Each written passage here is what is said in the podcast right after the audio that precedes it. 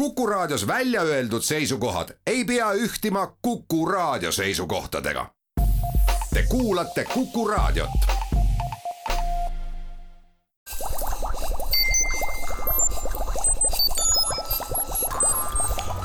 kukkuv õun head Kuku kuulajad, Kuku Õun eetris. täna võtame vaatlemise alla meie kaaslased, tundlikud elukad loomad või kuidas me iganes neid nimetame, keda mõni ka nimetab lemmikloomadeks, küll ilmselt natuke ebaõnnestunult, ja nende käitumise ja selle, kuidas sellega toime tulla. mina, saatejuht Marek Strandberg, olen külla kutsunud koerte treeneri ja käitumisspetsialisti Kerlin Killi. tere, Kerlin! tere, Marek! mõtlen just selle peale, et noh, peab olema ikka tahtmine ja oskused ja soov, et selline elukutse omandada. kuidas sinuga on läinud, et äh, sul on juhtunud see, et sinu valikute hulgas on just nimelt need, mida sa teinud oled? no ikka tuleb tegeleda nende asjadega, mis on sinu kirg ja koerad on äh, tõesti minu kirg ja selle tõttu on ka tegelikult äh, see teekond endale valitud, et Ähm, et juba lapsepõlvest saadik mulle meeldis väga enda perekoertega tegeleda, mul on kodus alati olnud äh, koer või koerad ja, ja hetkel olen ise samuti kahe äh, külsülekoera omanik, et äh, kuna elan hetkel linnas, siis minu eelistus on hetkel seltsikoerad, et väike, väike koeratõug. Nüüd kogu see noh, nii-öelda koertega toimetulek, et seda on ju ajaloo jooksul võetud noh, niisuguse loomulikuna, et ah oh,, võtame koera küll kuidagi toime tuleme ja siis ma saan aru, et kui ei tulda, siis on probleeme kuhjaga. kui kaugele tänaseks hetkeks, ütleme siis kogu see loomapsühholoogia ja käitumispsühholoogia täna teaduse mõttes on arenenud, kui palju me täna loomadest ja nende intelligentsist ja muust sellisest teame? no me teame ikka palju ja ma julgeks väita, et viimase kahekümne aasta jooksul on hakatud just väga tugevalt uurima äh, loomade just sellist tunnetuslikku poolt ja, ja, ja selliseid nende tundemaailma ja loomulikult koer kui inimese parim sõber ja, ja tegelikult äh, selline meie igapäevane kaaslane ja, ja loom, kes tahab olla väga inimestele ka meelt, meeltmööda ja, ja eksisteerib kenasti meie kõrval, siis, siis nagu nendega tehaksegi palju ka teadustööd, et noh, kas või väike, väike näide, et, et et ähm, me saame öelda, et koerad armastavad meid seeläbi, et kui, kui sul on enda loomaga usalduslik suhe ja sa vaatad enda lemmikule silma ja tema vaatab sulle silma, siis nii sinu kehas kui sinu koera kehas äh, kasvab oksütoksiini tase, mis on tuntud ka kui kiindumuse ja õnne ja ka armastuse hormoon. ehk kas et koera see... puhul, ma lihtsalt küsin vahel, vahel öeldakse, et ei, et ärge koerale silma vaadake, et see on väga halb märk, et tegelikult see ei ole nii tegelikult Marek, su andmed on õiged, aga kui see koer usaldab sind ja sa oled selle koera inimene või sa oled selle koeraga koos kasvanud, siis tema jaoks on okei okay juba sulle ka silma vaadata. lihtsalt see, et kui sa näed tänaval võõrast koera, siis ära talle tõesti silma vaata, sest sa käitud veidi ebaviisakalt. et äh, mis oh, ma ei, enne ei maininudki, et ma, minu siis, äh, ma lõpetasin kevadel äh, sellise toreda kooli nagu äh, Nordic Education Center for Dog Trainers, mis ongi siis Norra, Norras on selle kooli baas, aga see on rahvusvaheline koertetreenerite kool, kus on kõik minusugused entusiastid kokku tulnud, kes tahavad koerte elu teha paremaks, et kõik, kes, kes Brasiiliast, kes Eestist, kes Jaapanist, et, et tõesti õpilasi on ka seinast seina riikidest on mingit ja. ettekujutust, kui palju no näiteks kasvõi seesama Norra kool oma kõikide nii-öelda osakondade ja filiaalidega aastas selliseid koeratreenereid ja, ja käitumisspetsialiste koolitab? sa küsid mult nüüd konkreetset arvu? Äh, ei no umbkaudu ma... noh, et äh, palju teid seal koos Oih, on? meid et... oli nüüd see lend, mis lõpetas, oli ligi nelikümmend õpilast, et kes läbisid selle kahe ja poole aastase teekonna, aga noh, eks on ka teisi kooli, sealhulgas koole, kus õpetatakse koertetreenereid, et äh, et sealhulgas ise õpin näiteks ka Victoria Stilwelli akadeemias, et ma, ma ütlen, et minu arvates on see valdkond selline, kus sa saadki ennast täiendada aina juurde ja juurde ja juurde ja mina olen niisugune seda tüüpi natuur ka, et mul ei ole kunagi piisav, ma tahan alati küsida veel rohkem miks küsimust ja juurde õppida, et, et, et selline põnev valdkond, aga eks, eks see ole kõikides eluvaldkondades nii, et kogu aeg teadus areneb ja seetõttu ka meie teadmised nendest loomadest arenevad. mõtlen just seda, kui näiteks noh, oletame, ongi mingi võõra koeraga tegemist, et ei mm -hmm. ole oma perekoer või tuttava koer, aga ta tahab sulle otsa vaadata, noh, sa näed, et ta tahab sulle otsa vaadata ja vaatabki sulle otsa, et kas me võime siis arvata, et siis temas tekib juba oksütotsiini sedavõrd, et ta peab sind potentsiaalseks sõbraks või kuidas sellega lood on? siin sa pead jälgima kogu ko äh, koera kehahoiakut, et kuidas tal, mis ta, koerad suhtlevad meiega kogu aeg oma kehakeelega, oma miimikaga, oma häälega, et et, et koerad on väga suhtlusaltid loomad tegelikult ja noh, sa ei saa võtta seda nii üheselt, et ma pean nägema seda tervet koera keha tegelikult, et öelda, kas ta nüüd tunneb ennast veidi ähvardatuna, kui silma vaatamine võib ka olla niimoodi, et koer paljastab näiteks silmavalget osa, mida nimetatakse äh, vaalasilmaks, äh, whale eye inglise keeles ja, ja selle, ja selle koera kohta ma julgeks väita juba, et, et ta tunneb ennast päris ebamugavalt. et, et kui ta, kui ta on otsustanud sellist äh, signaali sulle saata. ehk et see tume tumeda osa ümber olev asi nagu ta ajab nagu silma siis punni või kuidas seda või, või ta on nagu, kuidas see või ta, ta lihtsalt. ta paljastab oma selle silmavalge Ehtud... osa nii, et ta keerab selle pupilli poole näiteks ühte silmanurka, ta üritab tegelikult sinu, sinu pilku näiteks vältida, vältida., just, just nimelt, et ta ja ta tihti ta keerab siis ka enda pea ära. Äh, mõni koer on, eriti väiksed koerad võivad lausa terve keha ära keerata, et siis seda žesti nagu suuremalt ja jõulisemalt välja näidata, sest et ükski koer ei taha tegelikult tegelikult kuidagi, nad ei taha sattuda konfliktidesse, nad ei taha mingit niisugust pahameelt äh, enda äh, enda, enda vastu nagu tunda, et ta tahab, ta tahab olla nagu, koerad on ülisõbralikud loomad, nad on, nad teevad seda, mis nagu nende jaoks on parim. et mis, mis toob nende jaoks mingit äh,, mingit sellist äh, noh, head. ma olen ühte asja tahtnud küsida, praegu on hea võimalus. on loodud selliseid äh, mänge, äh, kus on võimalik koerale õpetada koostama lauseid järg, järg, üksteise järele panema sõnu, sellised nagu klotsid maa peal ja siis ta neid katsub ja ütleb midagi, mida ta tahab. kuidas sellesse suhtuda, ma olen mõelnud, et huvitav, kas ma ikka tahan teada täpselt ja kas inimesed ikka tahavad teada täpselt, mida koer meist arvab, kui selle kaudu üldse on võimalik artikuleerida koeral siis tema mingeid sisemisi tundeid või pilte? no absoluutselt, sul on võimalik õpetada koerale mõne sõna tähendust näiteks või, või äh, või, või siis ongi, et, et sa nüüd mõtlesid seda, et, et täiesti, et ta moodustaks lause. mul kohe meenub üks, äh, üks teadlane, koertetreener, kes äh,, aga tema koer äh, suudab igatahes, ta on isegi raamatu välja andnud sel samal teemal, et tema koer äh, suudabki valida, siis on nupukesed, ta suudabki koostada äh, lauseid ja näiteks, et, et ta tahab minna välja. et ta annab sulle siis mõista nagu läbi selle suhtlusvormi, mille sa oled koolitanud tal, noh, talle selgeks teinud äh, Äh, annab mõista, mis siis tema nagu soovid on, aga. kuidas koer ise, ma mõtlen just selles kontekstis, kui talle anda võimalus noh, inimeselaadselt kõneleda või vahendite abil kõneleda, kuidas tema enda aju areneb ja kuidas tema enda siis nagu see minatunnetus või muu asi sealt edasi areneb, et kas see koer, kellel on kord nagu antud võimalus kõneleda tehnilise abivahendi kaudu, kas ta muutub ka? ma arvan või ma olen üpris kindel, et kui ta saab aru, et selle läbi, mis ta ütleb, on tal võimalik nii-öelda andagi mõista, mis on tema vajadused ja kui inimene vastab neile, et ta tõesti, kui see koer küsibki, et ähm, lähme välja, siis ta, siis ta viiaksegi välja, et siis ta saab aru, et oh, minu, minu nagu palvet mõisteti, saadi aru ta saabki välja minna, sedasi nagu koera sihuke, ma arvan, et tema isik, ta saab endale enesekindlust juurde. ja ma ütlen, et enesekindel koer on õnnelik koer, et me nüüd ei räägi sellest, et see koer peaks hüppama sul kuskile. ei, ei, loomulikult mitte, et selles mõttes nii-öelda rõõmu avaldumine, vaid sabaliputamise ja hüppamisega on üks asi, aga selline, selline kommunikatsioonitasemete ühtlustamine inimese ja koera vahel, et see on sinu hinnangul nagu õnneliku kaaslase tunnus ja võimalus. ma leian, et see, et kui see, see ei pea olema see, et sa pead talle sõnu õpetama või miskit, aga et lihtsalt, äh, et sa saaksid aru, mida see koer sulle kommunikeerib, et mõtle, kui sa ise oleksid, äh, no mõelge, koer on tegelikult äh, täiesti teist liiki olend meie inimeste kujundatud maailmas. kui sa koerana, siis äh, koerad on hästi visuaalsed, nad jälgivad meie kehakeelt näiteks kogu aeg, aga kui sina inimesena ise tema kehakeelt üldse ei, ei aktsepteeri või ei mõista, siis see tekitab ju frustratsiooni. et, et sa pane ennast sellesse situatsiooni, sa ei oska üldse näiteks jaapani keelt. Ja,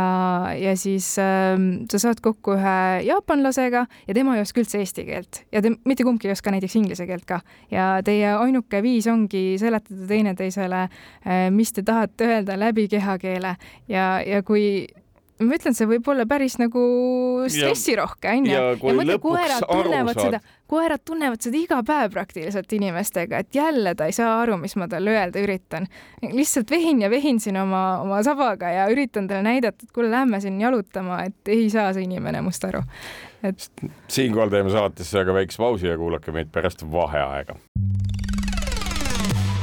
kukkuv õun head Kuku kuulajad, Kuku Õun jätkub külas äh, Kerlin Kill, koerte treener ja käitumisspetsialist, mina saatejuht Marek Strandberg ja ennem saime aru, et võib-olla tõesti on abi, kui koerale natukene ka keelt õpetada ja koer saaks seeläbi ka inimest paremaks muuta. ma mõtlen seda, et ega ju koerte treenimisel ja koerte ajalool, inimesega koos elamise ajalool, et seal on ju kõikvõimalikke nii-öelda aspekte, noh, ma ei kujuta ette, kunagi olid koerad sõja- ja võitluskoerad, eks ole, ma kujutan ette, et neid väga nii-öelda empaatiliseks ei õpetatud, neid tehti selgeks, kus on vaenlane ja nii edasi. kuidas see koerte koolitamise ja õpetamise kontseptsioon nagu ajas on muutunud? hiljaaegu sattusin arvamusfestivalil nägema seda, kuidas äh, politsei koerajuhid äh, õpetavad ja nad kirjeldasid, kuidas nad õpetavad oma koeri ja seal ei ole midagi muud peale sellise positiivse kiitmise ja õigete asjade toetamise ja neid treeninguid ei olegi päevas väga palju. see tulemus oli täiesti vapustav koerad täitsid käske, olid rõõmsad, kui nad said nii-öelda inimest abistada. kas siin on ka toimunud nii-öelda sellises koerte treenimises ja koerte inimesega kokkuõpetamises mingi tõsine paradigmaatiline muutus aja jooksul? no selle, selle sissejuhatuse juures sa tõid juba väga ilusti välja, et, et isegi noh, ka teenistuskoerte treenimisel, et äh, üha rohkem kasutatakse siis positiivseid jõuvabasid treeningvõtteid. see on ka seesama, mis on tegelikult andnud meile teadus, et, et ähm, me saame positiivsete, me saame, see ongi kuidas treenimine käib, siis sa lood ähm,, sa tead, et sa tahad, et, et su koer teeks näiteks või elevant või ükskõik mis loom on, on nagu teistegi loomade peal see võte, võte kasutatav, et, et sa soovid, et ta näiteks istuks ja siis sul on see võimalus, et kui ta istub, siis sa markeeridki selle istumise ära, kas näiteks sõnaga hästi või tubli või jess või ka näiteks klikkeriga, et sõltuvalt, kuidas sa ise tahad. klikker on nüüd mis asi ah,? klikker on selline äh, põnev. ma olen, ma olen näinud neid mingites nii-öelda teleseriaalides, kus koertega, mida see endast kujutab? enamus treenerid kasutavad neid sedasi, et, et klikk tähendab siis see, see indikaator koerale, et jess, sa oled tubli koer, sa tegid äh, midagi hästi ja peale klikkerit tuleb äh, siis ka alati preemia, ehk siis äh, vahel on see maius, mõnel koeral on see mäng, mõnel koeral see võib olla ka näiteks eluline mingi preemia, et kui su koer näiteks armastab sinuga või armastab näiteks diivani peale minna, et siis tema jaoks võibki see preemia olla, et ta läheb diivanile või see preemia võib olla see, et ta saab õue minna. et sõltuvalt sellest, et mis sinu enda koerale meeldib enim. üks üllatav asi, ma ei küsinud seda küll täpselt neilt politseinikelt, kes seal olid väljas äh, arvamusfestivalil oma teenistuskoertega aga ma saan aru, et isegi selline asi nagu jõu kasutamine, noh, mida koer peab tegema ühe või teise inimese kinnipidamisel, et isegi seda koolitatakse kuidagi nagu positiivselt, et ka koer ei kasuta jõudu mitte selle tõttu, et tal on nüüd mingi agressiooni objekt, mida koerajuht näitab, vaid ka see käib kuidagi positiivselt mis oli minu jaoks üllatav. no eks see koer ise kasutab ikka jõudu, et sellele inimesele näiteks sinna varrukasse hüpata, aga, aga sul on, noh, sul on potentsiaalselt võimalik, ma ütlen ausalt, ma ei ole ise teenistuskoeri treeninud ja ma ei ole jälginud ka Eestis väga intensiivselt, kuidas nad nagu treenivad neid või, või mul ei mul lihtsalt puudub kokkupuude selle valdkonnaga nii põhjalikult. mina treenin äh, lemmikloomi äh,, lemmikloomadena peetavaid äh, koeri. ehk tundlikke kaaslasi meie kodudes jah, aga ega need teenistuskoerad on samuti tundlikud kaaslased, et, äh, et ma, ma olen täiesti kindel, et seda varrukatrenni annab ka teha niimoodi, et, äh, et ta võtab seda mänguna? just, et ta võtabki seda kui, kui preemiat, see on üks osa tema treeningust, kindlasti on, kindlasti, et see on noh, ma ütlen, ma, ma ei oska seda nii hästi aga tõenäoliselt ei maksa nüüd sellel inimesel, keda koer kinni pidama hakkab, ennast lohutada sellega, et aa, see on koeral mäng, et ta võtab seda ikkagi tõsiselt, seda jõukasutust. ma eeldan küll, ma ütlen ausalt, ma ei, ma ei ole selle, selle nagu valdkonna ekspert, kuidas teenistuskoeri treenitakse, et eh, ma ei oska, ma ei oska siinkohal kaasa rääkida. ma saan aru, et ajaloos on olnud ikkagi väga ka teistsuguseid käsitlusi sellest, kuidas koeri treenida treenida ja noh, me teame ju, rääkisid elevantidest, eks üsna õõvastavad on need kaadrid, kuidas näiteks Indias või kusagil ka elevante õpetatakse, et nad teeksid mingit tööd ja siis ühtäkki me märkame seda, kuidas seesama tundlik olend näiteks mingil puhul kui tal, no ma kujutan ette, lihtsalt villand saab ja ta võib täiesti spontaanselt rünnata inimesi. kas selline nii-öelda vägivallaga õpetamine ongi valdavalt selle tõttu lõppenud tänaseks päevaks, kui on? tead, ma siiralt loodan, et selline vägivallaga õpetamine seda kindlasti eksisteerib, et olgu siis nende eksootiliste loomadega või, või äh, ka meie enda koertega, et et noh, kahjuks on olnud niimoodi, et ajalooliselt äh, mingi hetk ka usuti väga näiteks äh, alfateooriasse ja et, et noh, koer on karjaloom ja, ja sina pead olema alfa või sihuke ise top dog, aga, aga siin on juba nagu baasis nii palju asju valesti, sest koer saab aru, et sa oled inimene, mitte teine koer. sellised müüdid on olnud väga, inimesed on võtnud mingit müüte hästi-hästi tõsiselt, noh näiteks see, et sa pead sööma enne koera või koer ei tohi äh, kõndida sinust eespool, et koer peab perfektselt kõndima kas täpselt su kõrval või, või kümme sentimeetrit tagapool või et koera ei tohiks lubada voodisse või kuskile diivanile, et noh, õnneks ma siiralt ise loodan ka, et, et see, see nagu faas on inimkonnal nagu ümber lükatamas, et, et tegelikult nagu teadus tõestab vastupidist ja sul ei ole, su koer ei ürita Äh, olla sinu peres mingi karjajuht, et, et meil võib olla nagu jah, domineerivat käitumist mingites situatsioonides, näiteks koer võib kaitsta mõnda enda jaoks väga olulist ressurssi, noh, milleks ongi näiteks toit või, või vesi või mõnes situatsioonis see võib olla tõesti näiteks tema pesa või mis, mida just see spetsiaalne või mida just see individuaalne, mitte spetsiaalne, individuaalne isend väga oluliseks peab aga see ei ole mingisugune nagu selline üldine niisugust nagu noh, kõik need tõekspidamised, mida sa siin ette lugesid, et need on tegelikult müüdid, nendele ei ole leitud mitte mingit kinnitust. jah, need on, need on paraku müüdid, et äh, või õnneks on need müüdid tegelikult, et koer ikkagi, kui, kui mingi domineerimine eksisteerib, siis see ongi täpselt situatsiooniline, ta on mingist äh,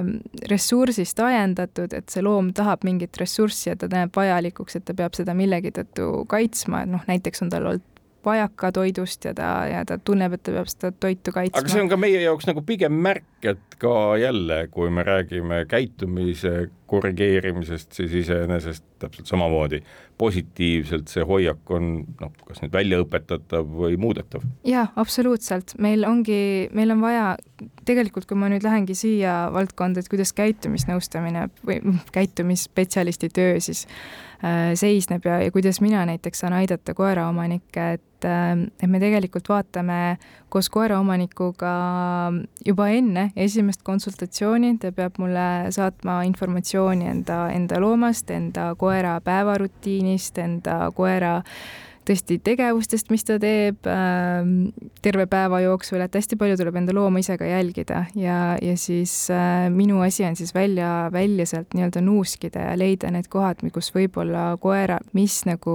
põhjustab sellel koeral siis seda käitumist. Ja, ja me vaatamegi neid situatsioone äh, põhjalikult üle ja, ja lähtuvalt sellest loomegi siis sellise äh, treeningplaani, tihti kõigepealt ka üldsegi sellise, selle situatsiooni juhtimise plaani, sest et me peame, selles situatsioonis on ju koer õppija ja me peame oma õppija, oma õpilase seadistama nagu edule et me ei saa teda ise ka äh, tal lasta siis teha seda käitumist, mida me ei taha, et ta teeks. no toon ühe hästi, toon ühe lihtsa näite, et kui sul on näiteks suur koer äh,, Bernhardiin äh,, kõik teavad, oli Beethoven suur Bernhardiin äh,. suur Bernhardiin armastab äh, üles hüpata, kui külalised tulevad, siis äh, esimese asjana peaksid sa treenerina mõtlema selle peale, et kuidas, kuidas sa tagad nii selle koera kui nende inimeste ohutuse, kes, kes siis äh, hakkavad ruumi näiteks sisenema. ja siis ongi, saad mõelda välja, et alguses sa siis ähm, äh,, siis juhid või, või stabiliseerid selle situatsiooni ära, et sa näiteks panedki selle koera kõrval tuppa, annad talle mingi suure kong närimismängu asja, täidad, oled selle varasemalt täitnud tema krõbinate või toiduga, võib-olla näiteks isegi noh, sõltuvalt, mis mingi koer sööb, on ju, ära külmutanud, võib-olla on seal jogurt ja kodujuust, on ju, ja siis pakud selle koerale, koeral on tegevust, saad, ja siis samal ajal pead sa hakkama, no võib-olla mõnele inimesele tegelikult hästi piisabki sellest lahendusest, et vot see koer ei hüppagi enam üles, et ongi väga okei okay,, kui ma suunan ta näiteks teise tuppa enne külalise saabumist annan talle selle kongi, ongi, aga teistpidi sa pead hakkama siis treenima seda, et mida, mida sa siis tahad, et see koer teeks äh, mm, üleshüppamise asemel. näiteks sa tahadki seda, et iga kord see koer äh, istuks oma pesas sel hetkel, kui tuleb külaline ja kuna ta tahab nii väga neid külalisi äh, ka tervitada, siis ta saab äh, pärast tervitada, kui ta on, kui ta on viisakalt istunud ja, ja nagu näiteks noh, maha rahunenud. jah, maha rahunenud just, et siis saab või kui näiteks külalised on maha istunud, siis on temal see aeg, et ta saab tulla ja lasta ennast sügada ja, ja kõigiga, kõigiga sõbruneda. siinkohal teeme aga saatesse väikese pausi ja kuulake meid pärast vaheaega. kukkuv õun head Kuku kuulajad, Kuku Õun jätkub. külas Kerlin Kill, kes on koeratreener ja käitumisspetsialist, koera käitumisspetsialist, mina saatejuht Marek Strandberg, kõnelemegi lemmikloomadest, koertest peaasjalikult ja nende intelligentsusest ja sellest, kuidas sellega toime tulla ja seda suunata. lugesin just, et äh, üks äh, niisugune loomade intelligentsuse selline ka tõenäoliselt müüt on muuhulgas see, et no mida intelligentsem loom, seda paremini saab aru, mis on tema peegelpilt ja mida see tähendab. koerad väga sageli ei saa oma kujutisest aru ja ju nad ei ole ikka väga intelligentsed. sellele argumendile vastu on ju lihtsalt väidetud ka, et kuulge, et noh, koertel see visuaalne pool on küll oluline, aga lõhnad ja kõik muu on veel olulisem, et nende maailmapilt ongi teine. kui palju üldse me saame nagu väga inimese mõõdus asjade järgi, noh, inimene ju alati, kui peeglist ennast näeb või ka ahv, primaadid, eks ole, suhtestub väga kiiresti sellega. aga kui palju me saame oma tavapäraseid selliseid tõekspidamise intelligentsusest üldse näiteks koertele või loomadele üle kanda? Neil on ilmselt täiesti teine intelligentsus, mida meil on raske mõista ja mida rohkem teadust sellest tehakse, seda paremini me sellest aru saame vist. väga huvitav küsimus. sinu kogemus, kui sageli sa näed koeri, kes oma peegelpilti ei mõista? Kui see üldse mingi oluline argument on? ma ütlen ausalt, ma isegi ei olnud kuulnud seda, seda sellist ähm, võrdlust või et, et, et siis ta. no see on üks ammune arusaam sellest, kuidas nagu püüda noh, intelligentsust või no nagu noh. no mina mida... ütleks, et püüa oma loo, noh just nüüd me räägime, kui koertest konkreetselt rääkida, et püüa tema intelligentsusest aru saada sellest, kui hea probleemi lahendaja ta on et kas äh,, mina ütlen, et tark koer on see, kes äh,, kes on nii enesekindel, et ta suudab probleemid ise ületada, et ta ei lähe kohe õpitult nagu enda omanikult abi näiteks paluma, vaid ta suudab mingi probleemülesande ise ära lahendada. on sul hea näide selle kohta? no väga lihtne näide see, et äh, on erinevad koerte pusled võib-olla mõned kuulajad ka on näinud neid sellised lemmikloomapoodides müüakse neid, aga sa saad väga edukalt neid ka kodus ise teha, et kasvõi väga lihtne ja robustne näide, et sul on vana saunalina, viskad sinna peotäis maiuseid, rullid selle kokku ja vaatad, mis see koer sellega siis teeb, kui kiirelt ta selle ära lahendab, kui kiirelt ta saab aru, et kui ta ninaga edasi lükkab seda rulli, et siis, siis sa saad äh, kõik oma maiused kätte. ja samamoodi sa saad testida seda, kuidas koer näiteks saab sellise situatsiooniga hakkama, kui, kui sa, ma olen ise näinud ühte, ühte testi, kus, kus nagu vaadati, et mis siis, kas koer läheb ähm, frustratsiooni või ta, kuidas ta nagu selles situatsioonis käituma hakkab, et, et oli, oli selline aed kust oli võimalik tegelikult koeral minna paremalt või vasakult, ühelt poolt oli tal kenasti võimalik äh, läbi minna, aga sealt aiast teisel pool oli mingi hea, hea mingi, kas ma ei tea, lihatükk või mingi väga-väga niisugune ihaldusväärne äh, asi, mingi ressurss, mida sa väga tahtis tarbida. ja siis see koer pidi nuputama, see oli nii lihtne nagu ülesanne tegelikult, et kuidas koer pidi ise selle probleemi ära lahendama, mine lihtsalt paremale sa saad nagu sealt aia äärest nagu vupsata kohe sisse teisele poole aeda ja saad kätte oma preemia. ja mõned koerad nagu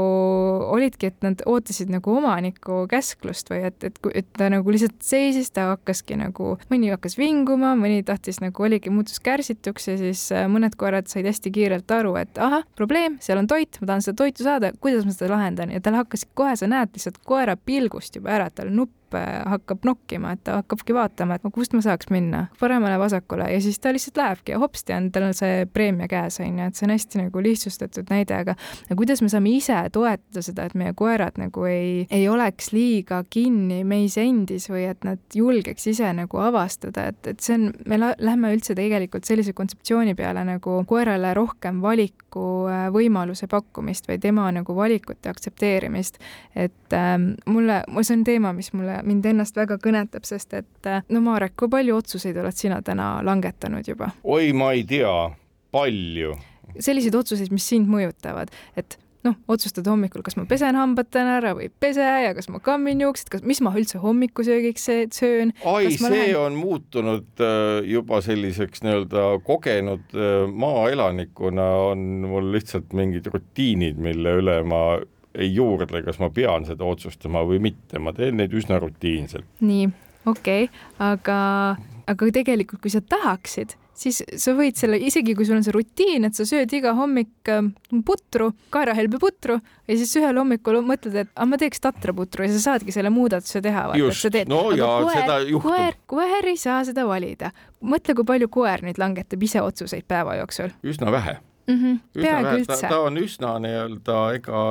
noh, ja ka koera omanikuna või kaaslasena või kuidas seda nimetada, no ma püüan talle anda loomulikult selliseid võimalusi ise otsuseid teha näiteks koos metsas jalutades, kus tal on nagu väga palju võimalusi minna ühte või teist asja nuuskima ja toimetama noh, üsna vabalt mm. -hmm. ja see on üliõige lähenemine, et sa annad talle mingit võimalust ise otsustada, sest et on koeri, kes ei saa selliseid otsuseid ja siis võibki juht-, otsuseid langetada oma elu üle ja sa saad tegelikult anda koerale üha rohkem autonoomsust mingite otsuste langetamisel, see kasvatab selle looma enesekindlust ja, ja teeb teda ka tegelikult ka rõõmsamaks, sest ta saab aru, et tal on mingi kontroll enda elu üle, et kasvõi noh, mõned inimesed on õpetanud näiteks koerale selgeks selle, et kusjuures mõni koer õpib selle ise äh,, ise selgeks äh, lihtsalt eluliste preemiate äh, tõttu, et ta lähebki näiteks välisukse juurde äh, seisma, et kuule lähme õue. ta annabki nagu niimoodi mõista, et nüüd on aeg õue minna ja ta on tegelikult tänulik, kui sa, kui sa lasedki ta siis välja, äkki tal ongi tõesti vaja minna ennast kergendama. tavaliselt on Aga..., et kui ta märku mm, annab, siis ikka on ja, ja.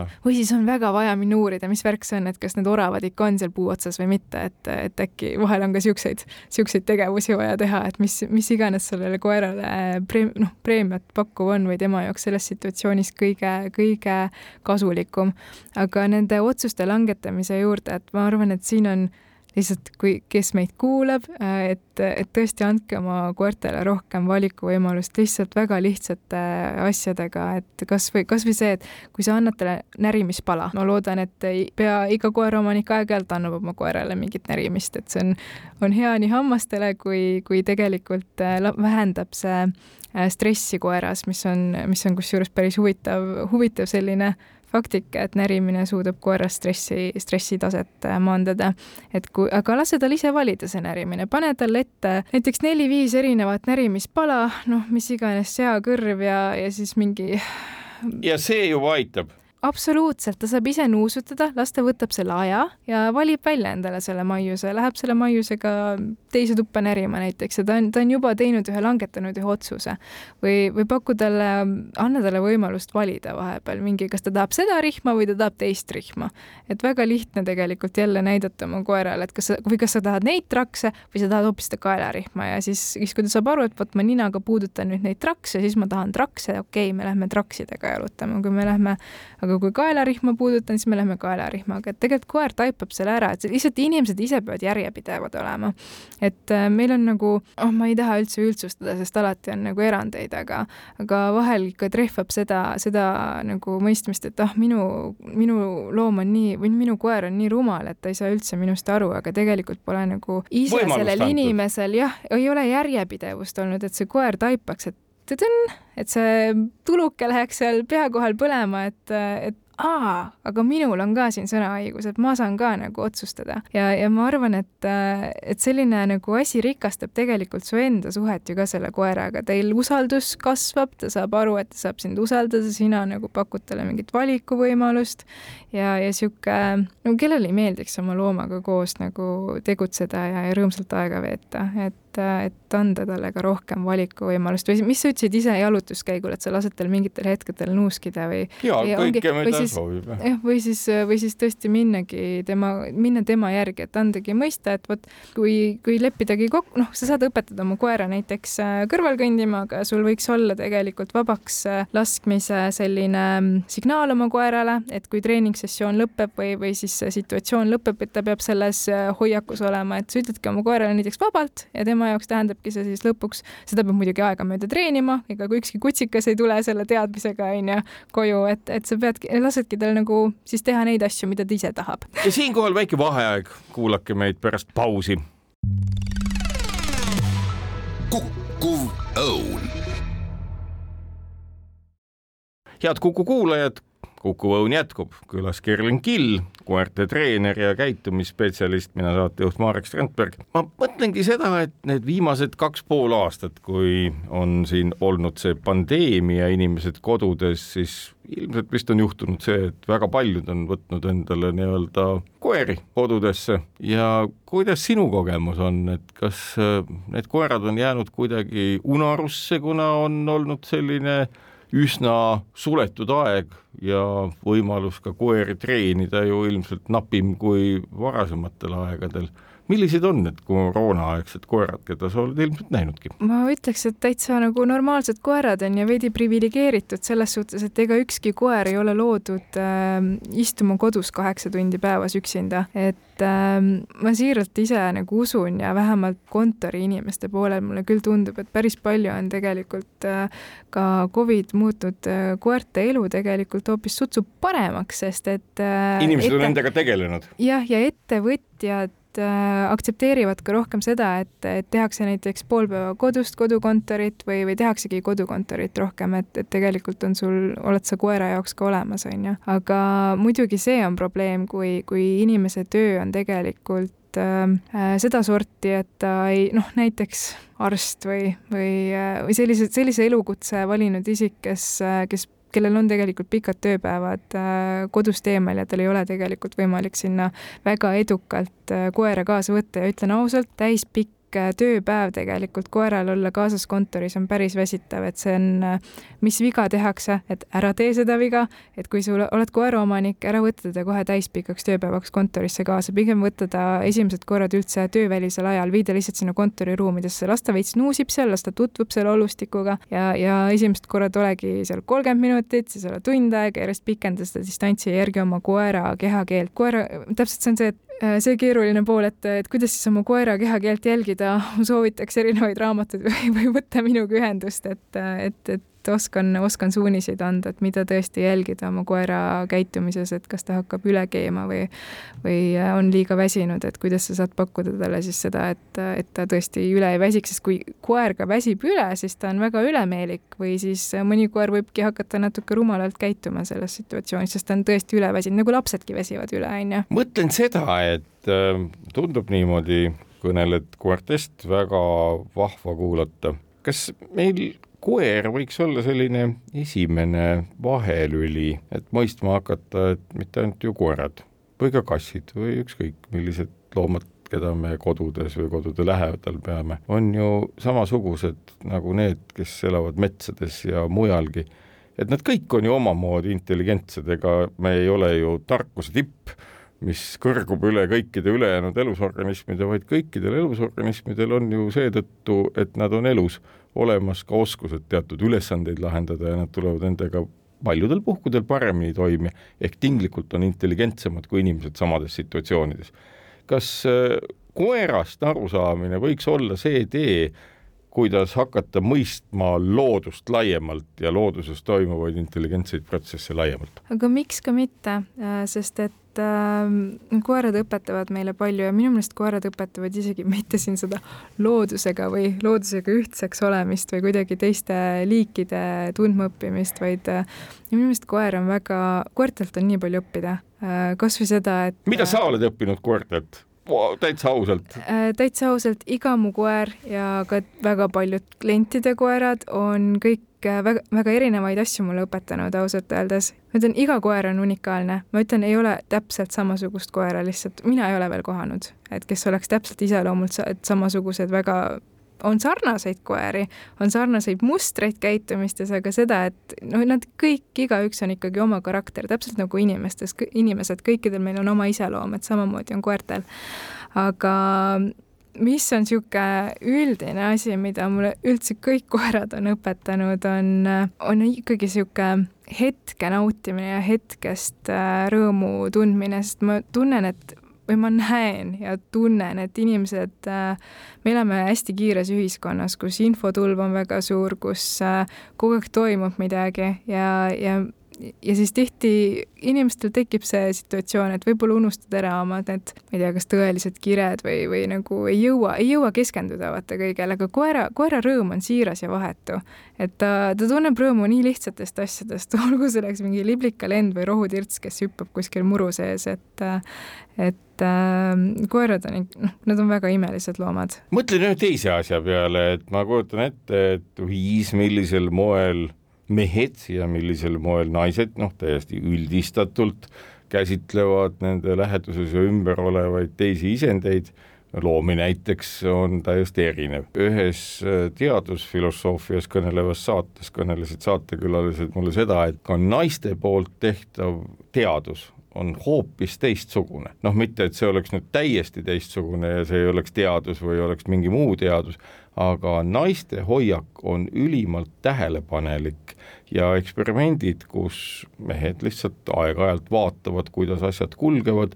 naisteadlane jälgib igat nüanssi väga detailselt ja paneb tähele asju, mida tavaliselt teistsuguse mõtlemisviisiga mees tähele ei pane kui ma küsin nüüd, et kas seda sorti nii-öelda positiivse treeningkontseptsiooni loojad on olnud mehed või naised? kas tead, ma pean sulle ausalt ütlema, et äh, neid niisuguseid silmapaistvaid äh, treenereid on rohkem naisi, kes on just seda positiivset treeningmeetodit rohkem õhutanud, kuigi on ka mehi. et noh, minu enda suured äh, eeskujud on näiteks Victoria Stilwell ja, ja sellesama Norra kooli üks õpetajatest Turi Trugas, kelle panus tegelikult koerte kehakeele jälgimisel on lihtsalt nagu nagu väga-väga suur. Ja, ja see, kuidas, kui empaatiliselt ja kui tähelepanelikult tema teeb ise konsultatsioone äh, koeraomanikele, mul, mul on olnud äh, au tema konsultatsioonide tegemist äh, vaadata ja seal ka kaasa rääkida, et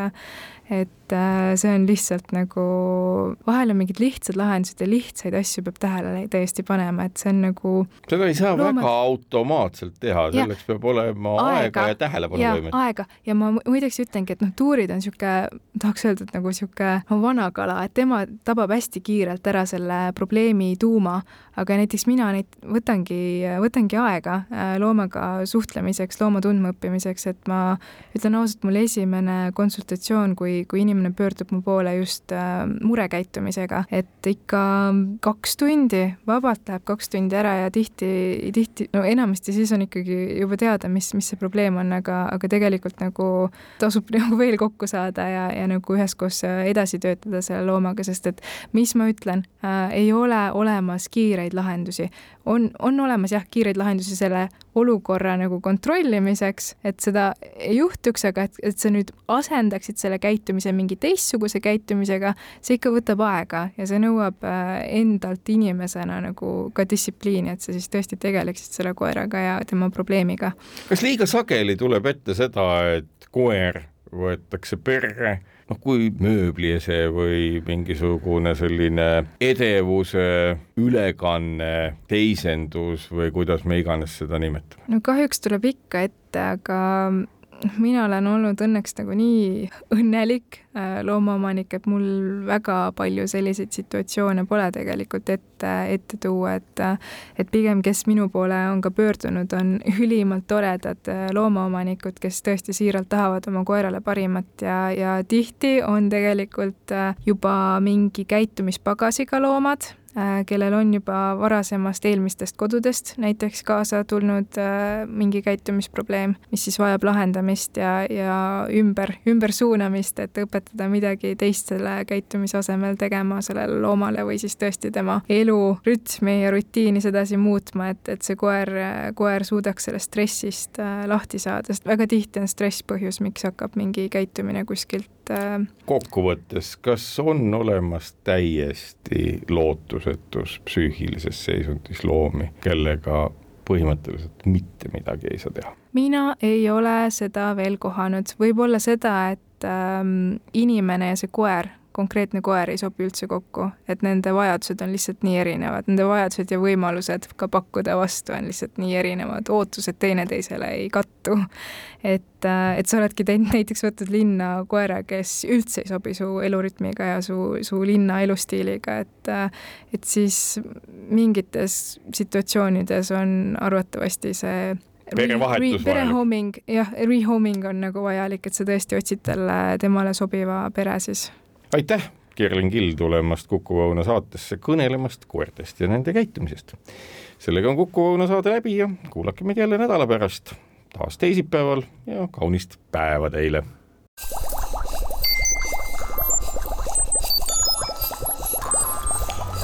Kuku Õun